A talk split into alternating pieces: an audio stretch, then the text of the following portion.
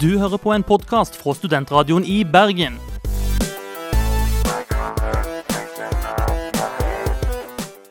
Denne og mange andre flotte podkaster finner du på podkast.srib.no.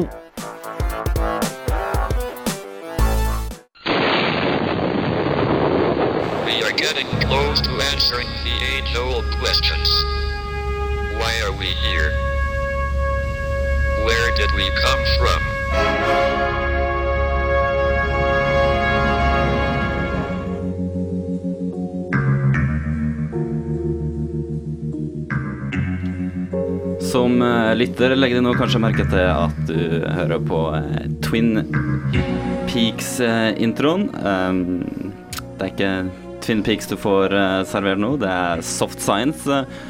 Men vi skal i dag eh, ta for oss litt mer det overnaturlige og eh, paranormale. Og eh, i studio får du med Olav Storli. og eh, Sølve Nikolai Torbro Lauvås. Vi skal bl.a. på spøkelsesjakt på Hanseatisk museum. Vi eh, skal også studere litt eh, Anna Elisabeth Westerlund. Hvis navnet virker kjent, så er det fordi hun er en synskvinne som Eller påstått synskvinne som bodde her i Bergen. Som har blitt uh, forska mye på, særlig hjernen hennes, som ble donert til forskning. Så hva resultatene derfra viser, det skal vi eh, finne ut. Men først ukens låt, 'Cults Go Outside'.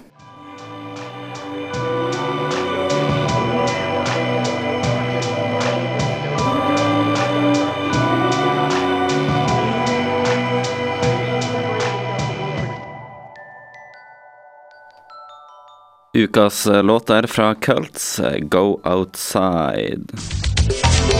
Soft, soft, science.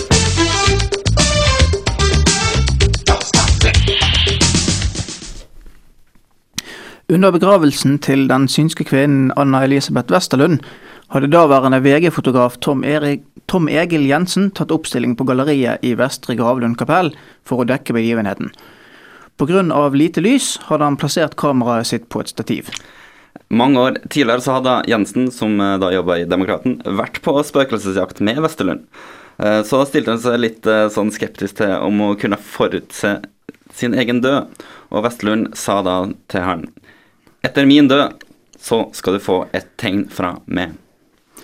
Under Bente Alvers minnetale konstaterte Jensen med forbauselse at kameraet gikk av uten at han berørte det. Da han kom tilbake til avisen, oppdaget han at ett av bildene på filmen skilte seg ut fra resten. Der kunne han se at lysene på kandelabrene på hver side av Alver blåste oppover og utover, altså i hver sin retning. Avisa undersøkte da om det kunne være noe spesielt med eh, trekken i rommet på det her tidspunktet, men eh, det var det ikke. Og det som hendte, det er egentlig rett og slett ganske så uforklarlig.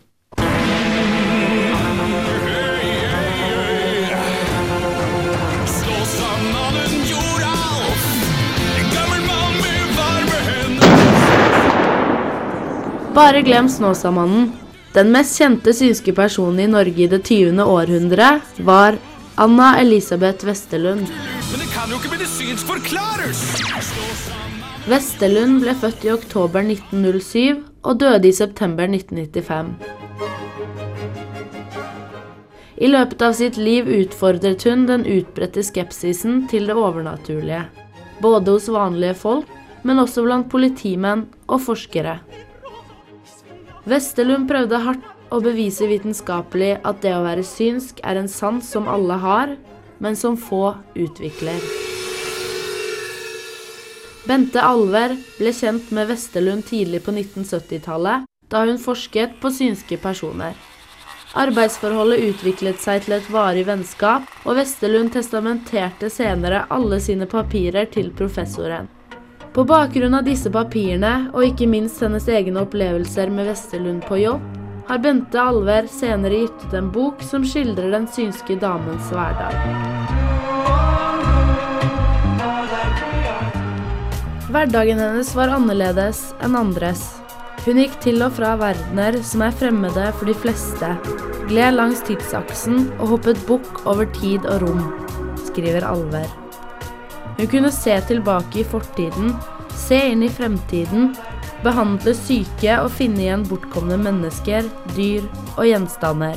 Og her er noen av sakene. Etter en massiv leteaksjon høsten 1982 i Bergen, der 130 mannskaper deltok, fant man en kjole som tilhørte den savnede May-Britt Jensen, etter at Vestelund hadde pekt ut et sted der hun kunne se noe som hadde med saken å gjøre. Den savnede kvinnen ble ikke funnet. Ifølge Mikkel Falk, søskenbarn av den svenske TV-journalisten Katz Falk, som forsvant i 1984, var det Vesterlund som utpekte stedet der Falk og hennes venninne Lena Grens ble funnet i Hammarbykanalen ved Stockholm. Etterforskningsleder Erik Skoglund skal i 1997 ha uttalt at det ble lett på funnstedet etter tips fra en synsk kvinne i Norge. I 1983 inviterte formannskapet Anna Elisabeth Westerlund til Gulen for å peke ut det gamle Gulatingstedet. Allerede før hun kom fram, fikk hun syner om hvordan tingstedet så ut, og fantasiene ble sterkere etter hvert. Da hun kom til Eivindvik, var hun sikker på at det var stedet Gulatinget hadde ligget.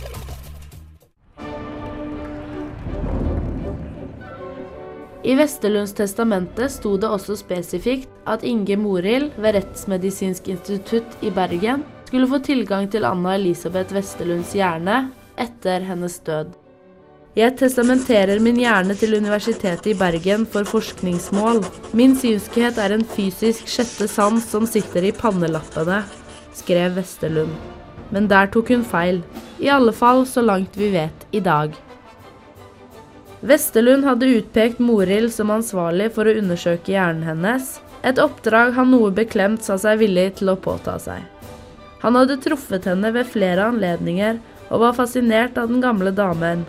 Ingenting annet enn normale aldersforandringer ble imidlertid funnet i hjernen til Vesterlund. En gang ville han teste henne og viste henne en glassbit med en mikroskopisk vevsprøve.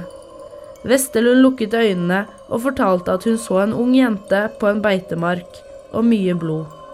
Og riktignok, vevsprøven stammet fra en ung jente som ble drept på en beitemark.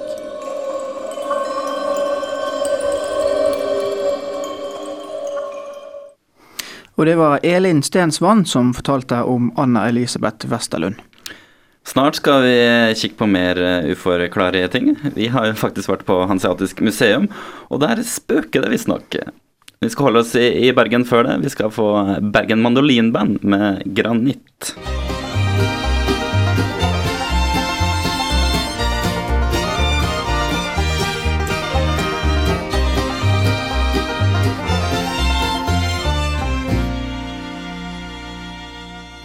Det var Bergen Mandolinband med låten 'Granitt'.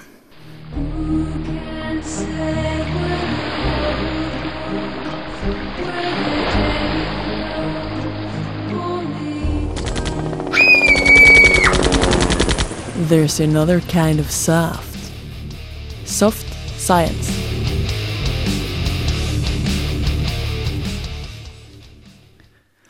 Vi eh, har visst en eh, del steder her i Bergen eh, der det spøker. Nå sitter vi på studentsenteret, men vi skal ikke så veldig langt bort herifra før det skjer litt mystiske ting, Sølve. Nei, vi har jo Naturhistorisk museum sånn rett borti gaten her. Der er det rapportert om en som har visstnok skal ha tatt et bilde av et spøkelse. Og så har vi også noen sånne egyptiske figurer som driver og flytter på seg inni monstrene, inn, inni montrene der borte. Og, og eh, jeg har vært borte der og, og eh, sett på de da, og snakket med vakten. Og jeg ser jo det på liksom sporet i støvet inni montrene at de har faktisk flyttet på seg, da. Men jeg har ikke sett de flytte seg. Eh, hadde de noen teori av dem som jobber der? Nei, de hadde ikke det. Jeg eh, snakket nå bare med en av vaktene, og han sa i grunnen bare det der. Sånn, han, han, han var begynt å bli vant til det å komme jobb, på jobb om morgenen og, og se som Oi, de har flyttet seg litt. Spennende. Men ehm, det er ikke bare på Naturhistorisk eh, museum at eh, det skjer litt rare ting. For om du noen gang har vært på Hanseatisk museum nede på Bryggen, så har du kanskje fått med deg at stemningen den er litt sånn uh, spøkelsesaktig. Eh, Så eh, vår eh, reporter Karoline hun dro for å undersøke det her litt nærmere.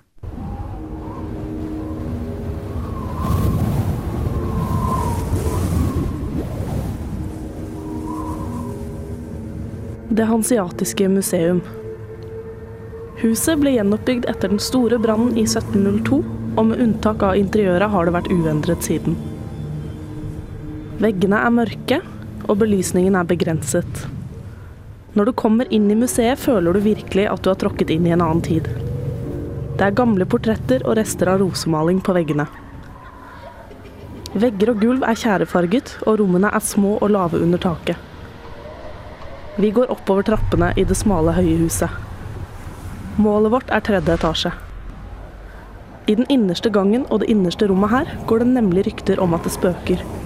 Vår guide for dagen er Marco Trebbi, leder for museet og spøkelsesskeptiker. Han har aldri sett spøkelset selv, men har hørt historien mange ganger. Her var det mørkt her. Bare en liten orientering. Sånn. Og så her er en sånn liten handelsstue. Den er rekonstruert av første direktøren, så den er ikke helt ekte. Men eh, vi vet at det har vært en liten handelsstue, og størrelsen er riktig. og Det er alt. Og det her inne han er. Han er her og der. Spesielt der er han avbildet. Vi har bilder av han. Vet dere hvem han er, eller? Ja, eh, det er han. Ludolf Hammecken von Bremen. Ja. Altså, han hadde denne stuen eh, da Bryggen brente i 1702. Og vi vet at det ble bygget opp igjen, og han fortsatte her en stund. Jeg begynte jo i, på museet her i 1979. Og det første folk nede på gaten de spurte meg, de så i avisen, så alle kjente meg, sånn, sånn, sånn. sa de, du, er han der Ludolfen der ennå? Jeg måtte si så sant det at nei, jeg har ikke sett noe til Ludolf. Jeg, eh, for her inne var så forfallent at det var stengt for publikum. Og jeg sto her inne og, og malte og sånt om kvelden opp til 11-halv 12 om natten. og sånn. Ikke noe spøkelse her, så jeg merket. I det hele tatt. Men altså, det som har vært her, det er det at, at paranormale foreninger har vært her. Og de klarte å ta et bilde av den her inne. Eh, Oi, her var det skummelt. Jeg kan vise dere bildet etterpå. Ja. Han sto der. Der. Med, eh, altså paranormale De var noen flere i den der foreningen.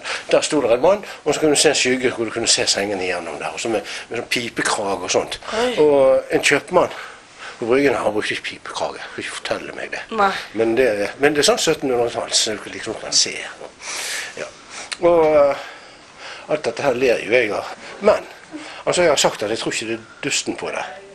Men eh, jeg fikk et brev i vår Ja. fra en dame i Oslo. Og hun sa det, jeg, jeg er Hun var jeg tror hun var amerikansk, hun bodde i Oslo. Jeg er ikke overtroisk sånn, men er det et eller annet, er det noe galt med et rom oppe i tredje etasje, det og det rommet? For jeg klarte ikke å komme inn i det. Nei. Hun, altså, hun ble sperret her. Ja. Hun klarte ikke å komme inn i det. Det var mystisk. Det er ganske mystisk. Ja, så jeg måtte, måtte liksom skrive tilbake Jo da, vi har Ludolf her, vi. Og sånt, jeg tror hun ble litt forskrekket da hun svarte. Ja. Ja. ja, ja. Jeg kan jo tenke meg, sånn, hvis jeg hadde trodd ordentlig på det, at det kan spøke i det rommet her. For det er jo et mørkt og ekstremt gammelt rom som jeg, jeg skal innrømme det at jeg får litt sånn der, eh, klump i halsen av å stå her. Jeg syns ikke det er så veldig hyggelig her inne, og jeg er ikke sensitiv på noen som helst måte. Men jeg kan jo tenke meg at det blir eh, mye folk som kommer inn her, og syn- hvis de kommer inn her alene og så, Du hører jo veldig godt lydene utenifra.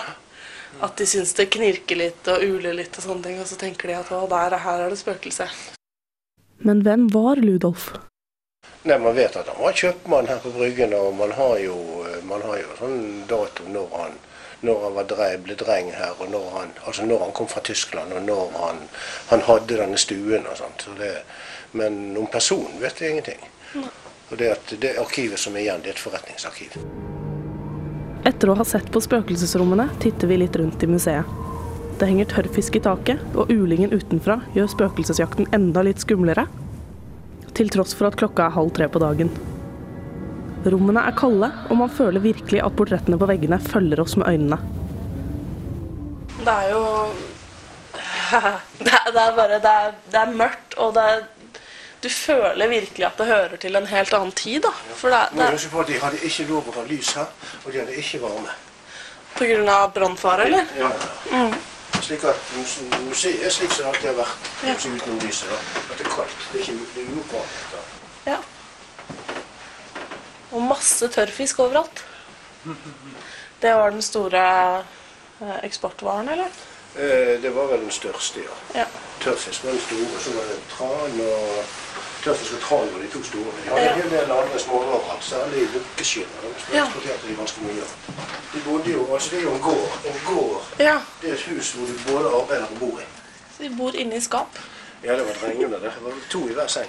Så, oi, det er trangt og godt. Når jeg føler at Trebby har vist meg alt museet har å by på, stikker vi ned på kontoret hans for å se på bildet av Ludolf. Jeg lurer veldig på hva jeg vil få se. En tåkete hvit figur, kanskje? Men nei da. Synet som møtte meg, var mildt sagt overraskende. Å ja, såpass, ja. Oi sann. Den var ganske Oi. Den, den var Oi. Du ser jo tydelig klærne og fargen på ansiktet og alt. Han har liksom bare posert ved siden av han eh, fyren som ser ut som han er med i Matrix. Første i åttende 2003. Jeg liker at han bare valgte å posere. Det syns jeg var veldig hyggelig. Litt sånn 'hallo, her er jeg'. Etter at opptaksutstyret var skrudd av, fortalte Trebby at før betongsøylene ble satt opp i 1995, kunne man høre høylytte skritt fra loftet om kvelden og natta.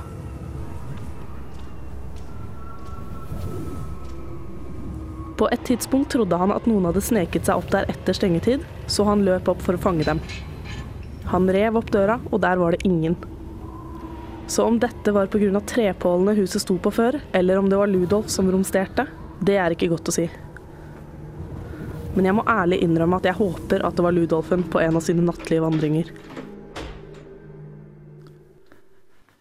Det var Karoline Elgesem som hadde snakka med avdelingssjef på Hanseatisk museum, Marco Trebbi, om Ludolf det hanseatiske spøkelset. Og det, ja, det her Sigve var Nei, Sigve Sølve, sorry. Det var jo litt, eh, litt eh, skumle saker. Ja, Eh, ikke så, ikke så fryktelig skummelt, egentlig. Jeg, jeg har faktisk vært oppe på det loftet der en gang. Det, det Jeg så ingenting. Nei, du sitter jo her, og så nesten, det, litt, nesten litt skuffet. Det og, eh, men for å ta det tilbake til eh, det her, rett borti gaten her eh, med Historisk museum og disse figurene som flytter seg, det, det er jo inne på samme rom som de egyptiske mumiene. Ja. Og det var faktisk det jeg la best merke til inne på, på dette rommet som disse her figurene er utstilt på. Det var de egyptiske mumiene som ligger der og liksom stirrer litt sånn tomt ut i luften og, og eh, nesten litt trist å eh, se de ligge der helt alene. De, de tenker kanskje det samme som uh, hovedpersonen i den uh, låten som vi skal spille nå. Uh, det er Jack Blankard en Misty Morgel med låten Chapel Hill. Den handler om det, det er en som, en som er død, og så ligger han da i Så ligger han i kisten, og, og alle familien kommer opp rundt han, og, og liksom Så legger, de legger blomster på han, og så ligger han i kisten, og han kan ikke si noe til det, og eh, han er så lei seg, for nå kommer de snart til å gå, så blir han så aleine. Kanskje, det, kanskje det er derfor noen går igjen, fordi at de, de har ikke lyst til å dra sin vei. De ikke de, de har lyst til å være med sine kjære. Yes. Kan hende det er det som er grunnen. Uansett, eh, Jack Blanchard og Misty Morgan med Chapel Hill.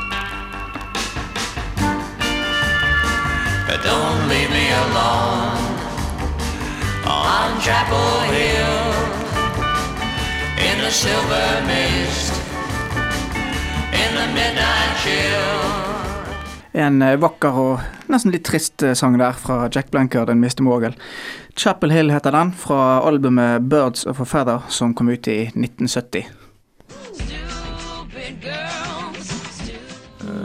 Hæ? Eh, kan du repetere? Mm. Hva? Mm. Hæ? Er du lei av å føle deg som en BI-student? Hør på Soft Science på Studentradioen i Bergen hver mandag halv seks.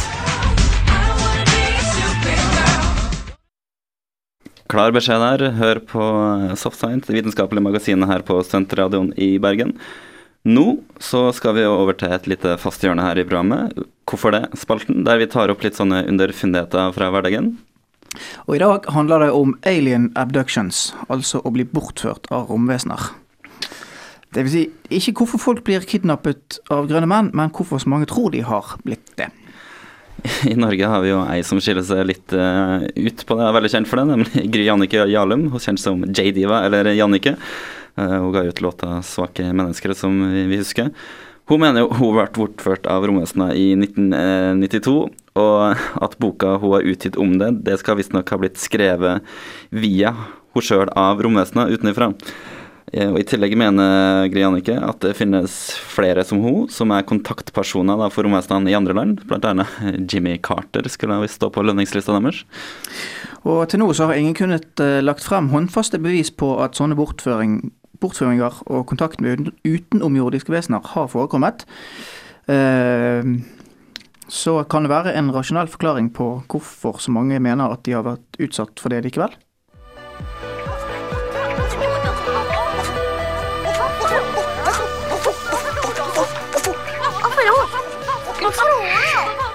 Soft Science presenterer Hvorfor det?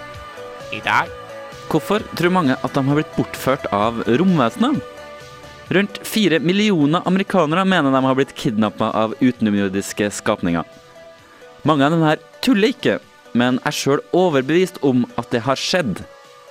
Professor Richard McNally ved Harvard University har forska på personer som hevder nettopp det her og har funnet mange likhetstrekk ved personlighetene deres. De er åpne for og interessert i New Age-verdenen. De tror på tidligere liv, på ut-av-kroppen-opplevelser og lignende. Og det er nettopp denne dragninga mot det overnaturlige som ifølge Richard McNally kan forklare hvorfor en tror en har blitt bortført.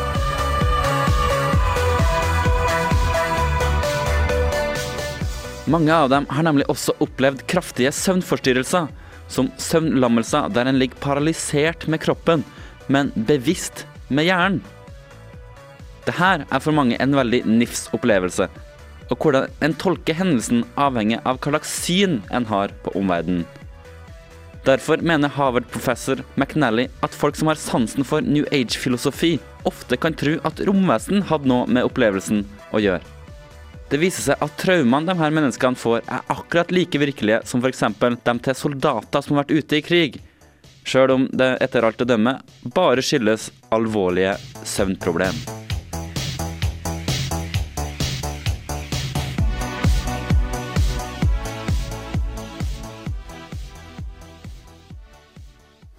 Søvnparalyse, ja. Det det, det, har jeg opplevd helt fra, helt fra, helt fra jeg var liten. Jeg har aldri sett noen romvesener, riktignok, men eh, det er litt ubehagelig. Det, det er det. Jeg har vært borti det sjøl. Jeg skjønner de kan tro det er noe litt rart som foregår. Absolutt. Ja, jeg leste et eller annet sted at i, jeg tror det er i Japan så så tror man fra gammelt av at det er spøkelser som eh, forårsaker eh, søvnparalyse, da. Så, for øvrig kan jeg anbefale jazzversjonen av Svake mennesker. Primavera sin uh, jazzversjon. Den er ja, anbefales. anbefales. Litt speisa versjon av uh, Grenanike sin. Ja da, er, jeg er jo glad i jazz, så jeg har den stående i en kasse nede i kjelleren. Blant blant med, sammen med diverse kjellermonstre. yes. Monstre i kjelleren min. Eh, da er det tid for en aldri så liten eh, nyhetsoppdatering her. Hva som har skjedd på, uh, i det siste innenfor da litt paranormale og overnaturlige, i hvert fall som kan sies å være litt vitenskapelig. Uh, og da, apropos aliens, så de som tror på liv utenfor vår planet, har fått en skikkelig glad nyhet. For romteleskopet Herschel til den europeiske romfartsorganisasjonen ESA de har funnet spor av sånne livgivende molekyler i Orion-tåken. Uh, uh, Herschel kan uh, den analysere så veldig stort spekter av sånn stråling fra verdensrommet. Og da de studerte denne stjernetåka, så så han en del spor av mange veldig interessante kjemiske stoffer. Blant annet så har de funnet spor av vann, karbonmonoksid, formaldehyd, metanol og diverse svoveloksider. Og denne her Orion-tåken den eh, produserer mange nye stjerner. Den er ganske nærme oss her på jorda. 1300 eh, lysår unna. Men eh, det er ikke noe bevis for at det er liv der, og i hvert fall ikke at de er intelligente nok til å kunne besøke oss, for det er veldig langt unna å kunne påstå noe sånt foreløpig, i hvert fall. Men er du interessert i utenomjordisk liv, så har det vært en travel måned.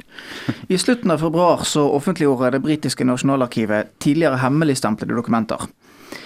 Disse tar for seg ufo-hendelser i Storbritannia mellom 1994 og 2000. Ifølge forskning.no dreier det seg om i alt eh, ca. 1000 rapporter på til sammen 6000 sider.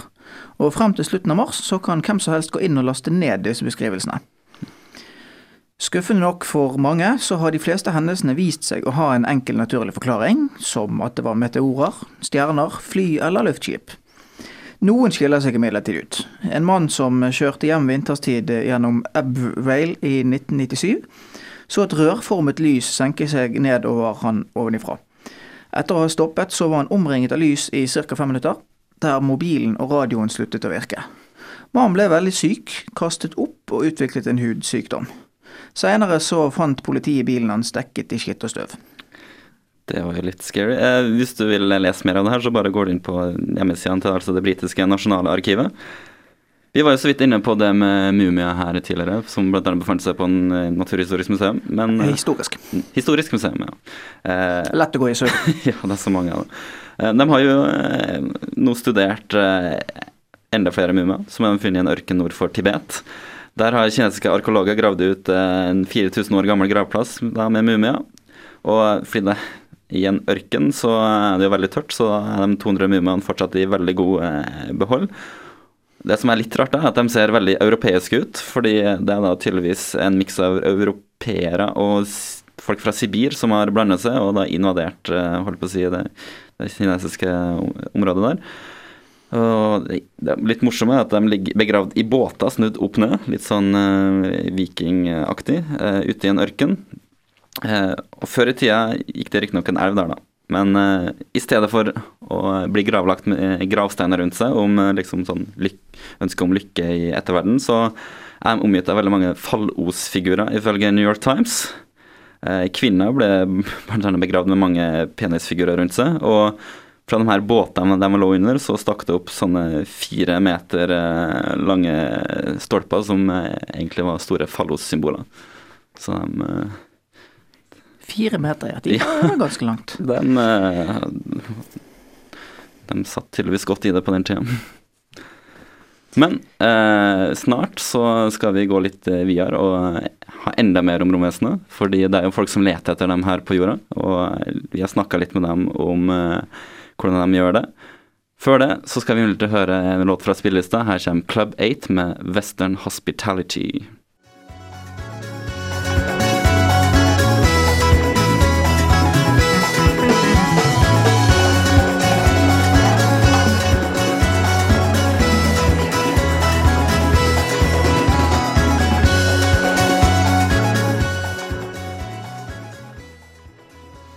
Vi hørte uh, Club 8 med Western Hospitality.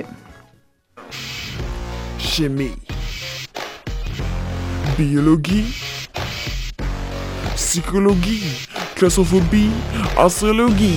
Astronomi, antropologi, arkeologi, anatomi, anemi, anarki, anesti, akademi, sosiologi, filosofi, akademi, lekemi, nevrologi, fysiologi, biologi, psykologi, psykologi, akademi, astrologi, Fagterminologi.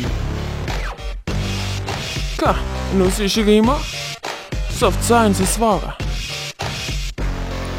Lidenskap for vitenskap. Huff. Jeg begynte å tenke på Pompel og Pilt etter den der eh, jinglen der. Det var nesten litt skummelt. Det var det. Uansett.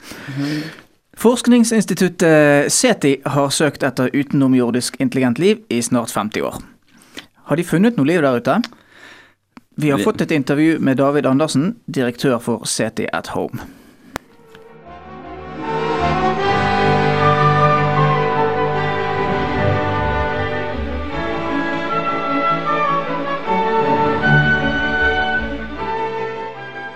Helt siden mennesket rettet blikket opp mot himmelen for første gang, har vi lurt på om det finnes liv andre steder enn på jorden. Det kommer ofte opp historier om folk som har opplevd å møte utenomjordiske vesener her på jorden, Men hva har forskerne funnet av håndfaste bevis? Det amerikanske forskningsinstituttet SETI, forkortelse for Søk etter utenomjordisk intelligens, har mange forskningsgrupper som prøver å finne tegn til liv utenfor jorden. Et av de som har fått mest oppmerksomhet, er SETI at Home, som bruker radioantenner i sin leiting etter liv. David Anderson forklarer her. Radio SETI is the idea of um, trying to detect life outside Earth by listening to radio. Um, radio waves are um, things like television signals, um, radar, cell phones. There's a there's a broad spectrum of, of uh, frequencies of radio waves. Light is at one end of that. Um, radio waves are a promising way to find life outside Earth. Uh, first, because we can um, we can hope that other technological civilizations will use radio waves to uh, communicate among themselves the same way that we do, and therefore would leak radio energy into space. And secondly, because radio waves go through the interstellar medium pretty well, even if there's um, clouds of dust and, a, and our galaxy is filled with clouds of dust, radio waves go through that dust, whereas visible light doesn't.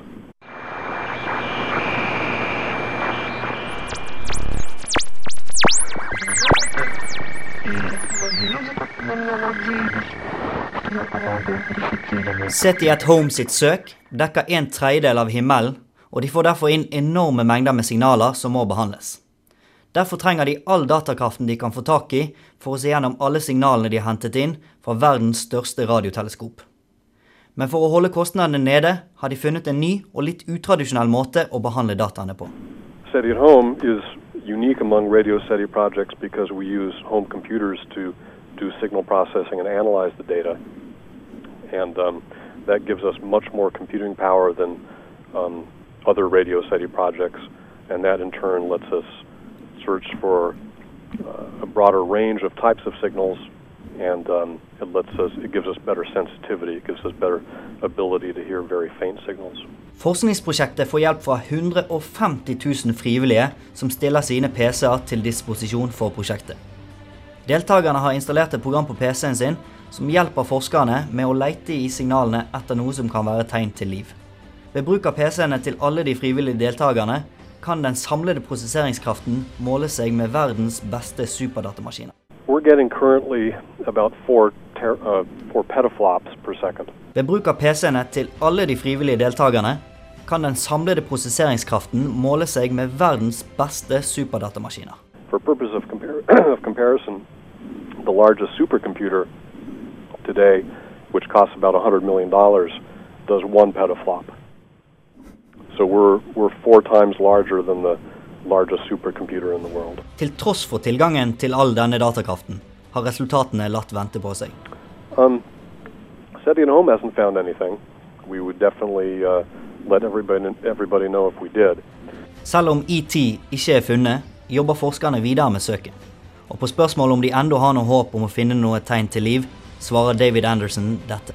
You know, here I would say that people working on this are we're just scientists, and um, we don't have any deeply held conviction that that uh, ET is out there or that we're going to find it in the next few years.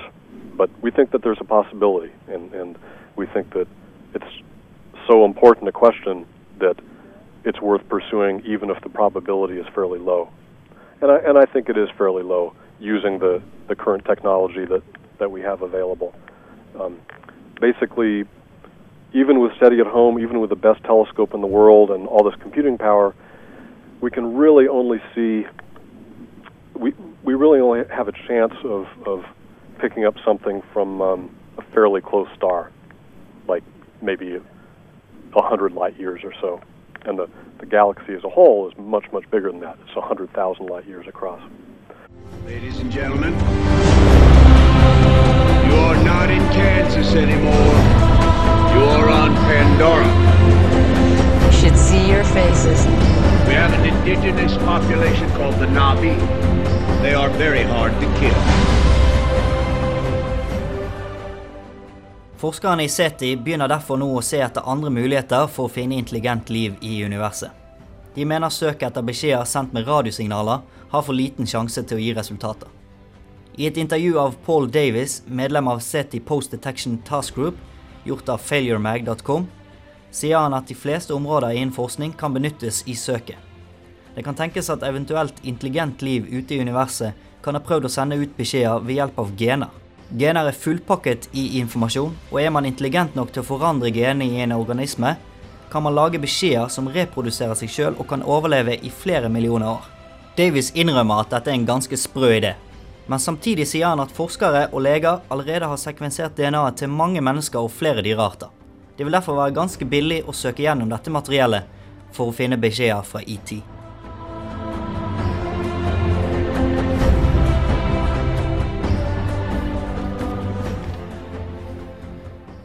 Ja, kanskje vi skulle ha fått sjekka DNA-et vårt, eh, Sølve, og sett om eh, det lå beskjeder der fra utenjordisk liv. Ja, kanskje det. Det var i hvert fall eh, Øystein Lygre og André Jørgensen som hadde laga innslag og intervjua David, David Anderson fra CT at Home. Og jeg kan jo føye til for de musikkinteresserte at eh, klarer de å få tak i eller har de en god radio så de kan ta imot noen av disse her radiosignalene eh, fra ytre rom og får det gjort om til lyd, så det er det musikalsk eh, interessant. Mener noen, i hvert fall. Har du, mener du det? det Ja, jo, jeg har hørt på det. Jeg har faktisk en kamerat, han har brukt det i en låt. Skikkelig breakbeats, det. Spennende. Kanskje det ikke er verre enn det. Kanskje det er rett og slett Kanskje det er det de Det er det de sender til oss, skjønner du. Det er liksom de bare Hør på disse breakbeatsene her! Det, det er det det går i. De gjør det altfor komplisert, disse forskerne med DNA og analyser og Du får se om du er inne på noe. Um, uansett, det blir vel ikke så mange breakbeats nå, men her kommer i hvert fall Archie Bronson Outfit med Hula fra ukas album. Archie Bronson Outfit der fra ukas uh, album her på studentradioen i Bergen. Hula. Most Horned, Jakten på den sjette sans, Åndenes makt, Ghost Whisperer, Psychic Investigators, Fra sjel til sjel, The Listener, og sånn kan vi holde på. Det kan vi. Det er vanskelig å skru på TV-en uten å legge merke til alle programmene som handler om det overnaturlige. Og I hvert fall hvis du slår på Kanal 5, så får du trykt noe sånn i fleisen med en gang. Særlig på torsdager, som er sånn special night for uh, sånne ting. For ikke å snakke om hva som ligger på YouTube og, uh, og så videre. Ja, der ligger det mye spennende. Uh, det har tatt litt av, synes jeg, i det siste, rett og slett, med sånne ting. Det var ikke så mye når vi bare hadde NRK på starten av 90-tallet. Nei, det var andre tider, det. Jeg tror ikke vi skal gå for langt på den. Nei, Har du sett noe på noe av det her? Eh, jo da, jeg har, jeg har jo sett eh, Jeg pleier å ha liksom Åndenes makt med og sånn egen kommentator. Det er Jeg kjenner en sånn relativt kompetent person på dette her, så liksom, Ja. vi, vi pleier å se på dette sammen da, for å få sånn eget kommentarspor. Sånn. Ganske Kanskje det er en ny greie? Eh, en, en sånn eh, paranormal kommentator? Ja, det det, det, det, der, kan, der kan vi lage en ny greie, ja. Mm. Men eh, vi har jo liksom fått det skikkelig Det er litt inn med sånne ting så, hvorfor har vi fått denne oppblomstringa nå? Det, det lurte jo vi litt på. Så sosialantropolog Hanne Skartveit, som vi har snakka med, mener at det bl.a. kan faktisk settes sammenheng med populariteten til Harry Potter. Vi har vel alle fått med oss den økende interessen for paranormale fenomen som er kommet mye fram i media den siste tida. Jeg lurte på hvorfor dette har blitt en trend, og tok meg en tur til doktorgradsstipendiat og sosialantropolog Hanne Skartveit ved UiB. Så du kan kalle det neo-opplysningstid, på en måte ny opplysningstid på mange måter, som har veldig mye til felles med, med opplysningstida. Altså hvis du ser f.eks. Emanuel Kant skrev en artikkel i 1784 som heter 'What is enlightenment'? Eh, og når du leser den artikkelen, så, så ser du Den kunne på en måte vært skrevet av veldig mange er innenfor alternative miljøer nå, da. Altså, det kunne vært skrevet av Kabbalah-senteret som jeg jobber med, f.eks. Eh, veldig, ja, det som Kant hevder der, da han sier at opplysning er menneskets oppvåkning fra et selvpåført umodenhet. Hva var det han og opplysningsfolket reagerte mest på? Eh, så opplysningstida handla veldig mye om å ta autoriteten tilbake til individet. Eh, ifra institusjoner eh, og ifra makt, altså de som satt med makta, da. At, eh, altså han, han, han mente at måte, I og med at du skulle alt, alt skulle flyttes vekk, alt som mennesker skulle gjøre, skulle flyttes vekk til andre folk. Du skulle få hjelp til alt, da, sånn som du òg ser her. Du har psykologer, du har folk som gjør alt. Tar, tar vare på på en måte aspektene i livet ditt. Altså Du, du, du skal ikke gjøre så mye sjøl, du skal få andre til å gjøre det. Det har med behagelighet å gjøre, og, at du skal leve et behagelig liv. da, At du skal slippe å gjøre så mange ting sjøl. Men det mente han var veldig eh, eh, At det gjør deg til en slave, eh, og at det tjener makta, da. For det. Da er jo det store spørsmålet hvor går parallellen til dette her i dag? Eh, men du ser altså mye av det alternative miljøet nå, som er jo veldig stort og veldig eh, altså Det er veldig mye innenfor eh, det som vi kanskje kaller New Age. da. Eh, så er òg en tanke om at du skal ta tilbake individets autoritet. At du skal ikke la andre definere hva som er sant. da. Og det som karakteriserer òg disse New Age-sirklene, eller disse alternative sirklene, er jo litt sånn anything goes. Altså hvis du kan eh, hvis du kan snakke med Diana, så er det greit. Hvis du snakker med Gud, så er det greit. Hvis du ser engler, så er det greit. Og da, altså, Enhver har på en måte rett til å definere sine sannheter. Kan det være andre grunner til dette? Har kunnskapen bidratt til å øke kjedsomheten blant folk? Mye av det som du ser som er kanskje en veldig oppblomstring av alternative ting nå, er, handler litt om at folk vil ta tilbake litt av magien i livet, da. Eh, som har forsvunnet litt. Altså, magi handler jo om en del om, om, det som du ikke vet.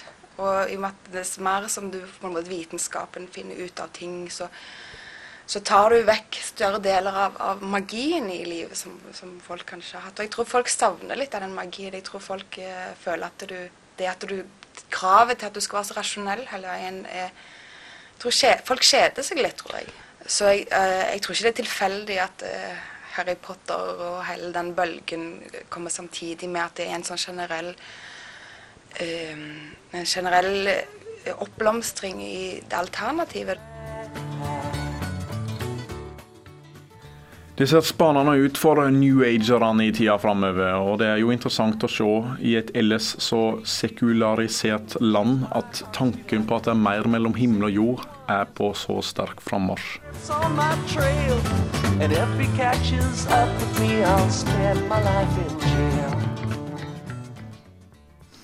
Det var Olav Aasen som hadde snakket med sosialantropolog og doktorgradsstipendiat ved Universitetet i Bergen, Hanne Skartveit som fortalte at presset for å være så rasjonell kanskje har gjort at alternativet har blomstret opp i nyere tid.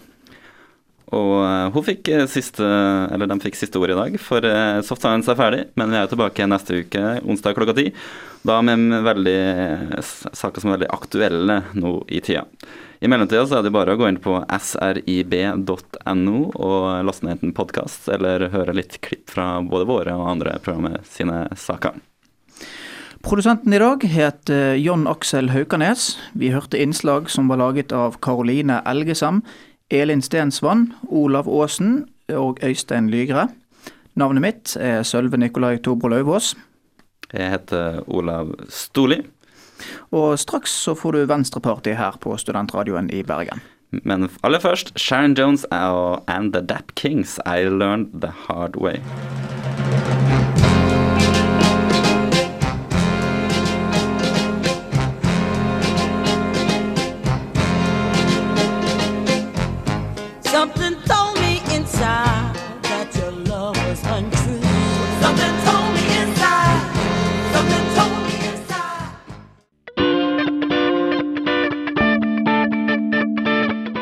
Du hører på en podkast fra Studentradioen i Bergen.